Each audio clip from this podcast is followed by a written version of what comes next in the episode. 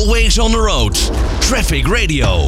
Sinds dinsdagochtend is het weer mogelijk om subsidie aan te vragen voor je elektrische auto. De zogenaamde subsidie elektrische personenauto's particuliere, de SEPP. Maar ja, met hoeveel is deze pot gevuld en kan je daar zomaar aanspraak op maken? Dat bespreek ik met Marcus Polman, woordvoerder bij de Rijkdienst voor Ondernemend Nederland, de RVO. Marcus, een hele goede middag. Hele goede middag. Ja, het potje is weer gevuld aan het, uh, in het nieuwe jaar. Want uh, vorig jaar was hij al snel op, hè, dit, uh, dit potje. Ja, vorig jaar was hij na vijf maanden op. Althans voor de nieuwe auto's. gisteren is er weer een nieuwe subsidiepot opengegaan. een regeling die bedoeld is, wat je zelf al zei... voor de particulier die over wil stappen op volledig elektrisch rijden. Er zit 100 miljoen dit jaar in de pot, ja. zou maar te zeggen.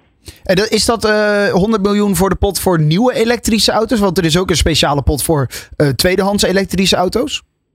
Nee, het totale bedrag is 100 miljoen. En Ja. dat is verdeeld met uh, ongeveer twee derde voor nieuw, 67 miljoen. En Ja. de rest is voor gebruik, ruim Ja. 30 miljoen. Ja, oké. Eh, dus, eh, dus zo zit die eh, verdeling dan dus. Eh, nou, dat is eh, genoeg geld in ieder geval. Ehm, want dit is de reden om eh, nou ja, de elektrische auto wat aantrekkelijker te maken. Hè? Ja, dat is, eh, dat is het idee. Dat is een regeling die eh, nu het vierde jaar ingaat. En eh, is bedoeld voor de, voor de particulier die eh, over wil stappen op elektrisch rijden. En om dat aantrekkelijker te maken, is er dan een subsidie op de aanschaf van een nieuwe, dan wel een gebruikte auto. Ja, en om hoeveel moet ik dan denken als je een elektrische auto koopt? Hoeveel zou je kunnen aanvragen als subsidie? Als je een nieuwe, volledig elektrische auto koopt, bedraagt het subsidiebedrag, ongeacht het merk of het soort auto wat je koopt, 2950 euro. En voor gebruikt is dat 2000 euro. Oké, dus er zit eh 1000 euro verschil tussen. Ehm, ja. Ja. om die prijs dus eh, wat omlaag te krijgen. Want is dat ook nog steeds wat jullie horen een manier of een reden waarom mensen minder snel een, een elektrische auto nieuw kopen? Omdat die toch wel wat duurder is dan nou ja, eh, nog een, een ouderwetse auto. Ja, nee, dat is precies het geval. En, eh, de aanschaf van een elektrische auto ligt, ondanks dat je ziet dat die prijzen de afgelopen jaren sterk naar beneden zijn Ja. gegaan, omdat de kostprijs lager wordt, zie je dat ook terug in de consumentenprijzen.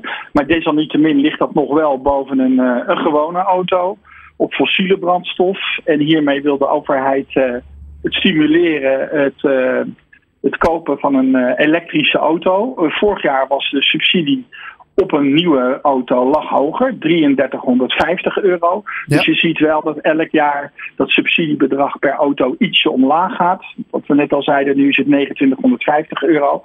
Ehm, omdat ja, het, het wordt steeds minder nodig ook om die subsidie te geven. Omdat die prijzen steeds ja, binnen voor een grotere groep eh, bereikbaar wordt. Ja, daarom. Ehm, hoe kan ik eh, aanspraak maken op eh, dit subsidiepotje en die 2950 euro?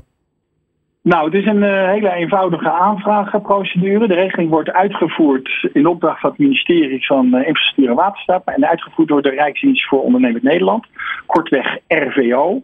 En als je naar de website gaat, rvo.nl, en je zoekt daar op subsidie elektrische auto of op de SEP, S-E-P-P, eh, dat is de naam van de hele regeling, dan kun je dat aanvragen. Er zijn een aantal criteria waar je dan aan moet voldoen. Eh, het is vooral bedoeld, de regeling, voor het segment van de, van de kleinere en de compacte elektrische auto's. Dus niet de, de grote, hele dure auto's, de Tesla's, maar juist dat middensegment. Ja. Eh, er zijn criteria, het gaat om de actieradius, eh, dat je elektrisch kan rijden. Dat moet minimaal 120 kilometer zijn. En zo zijn er nog wat criteria. En als je daaraan voldoet, dan kun je die aanvraag doen. Eh, het geldt voor auto's die eh, per 1 januari eh, 2023 eh, op naam staan. Of de koopovereenkomst moet dan ook van 1 januari zijn of later. En dan kom je daarvoor in aanmerking.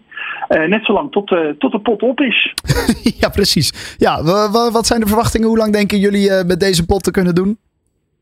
Nou, doordat we hebben nu een eh, ruimer budget. Eh, het is heel moeilijk om antwoord, direct antwoord op je vraag. Het is heel moeilijk om daar nu eh, voorspellingen over te doen, om daarover te speculeren. Ehm, wat, je, wat we kunnen zeggen is dat het totale bedrag wat we nu hebben ten opzichte van vorig jaar is ruim 10% verhoogd. En ook omdat die, ehm, die gemiddelde subsidie voor nieuwe auto's Ja. ook lager is, kunnen er nog meer auto's gesubsidieerd worden. Dus er is absoluut geen reden om je heel erg te haasten en meteen eh, nu die subsidie aan te vragen.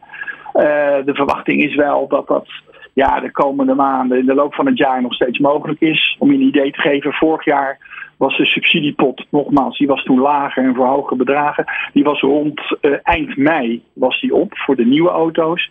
En eind augustus voor gebruikt. Ja. Eh, hoe dat dit jaar gaat lopen, ja, dat is in de kristallenbol kijken, dat weten we niet. Maar eh, er is dus nog de nodige tijd om die aanvragen te doen. Gisteren zagen we natuurlijk een piek. Toen eh, was het de eerste dag dat je kon aanvragen. En dan zie je altijd één piek in het aantal aanvragen. En dat, dat vlakt dan heel snel weer af. Dus er is nog volop tijd voor iedereen die wil overstappen. Goed om te weten. Marcus Polman, woordvoerder bij de RVO. Dank voor nu. En wil je dus aanspraak maken op die subsidie? Kijk dan eventjes op de website van de RVO. Always on the road. Traffic Radio.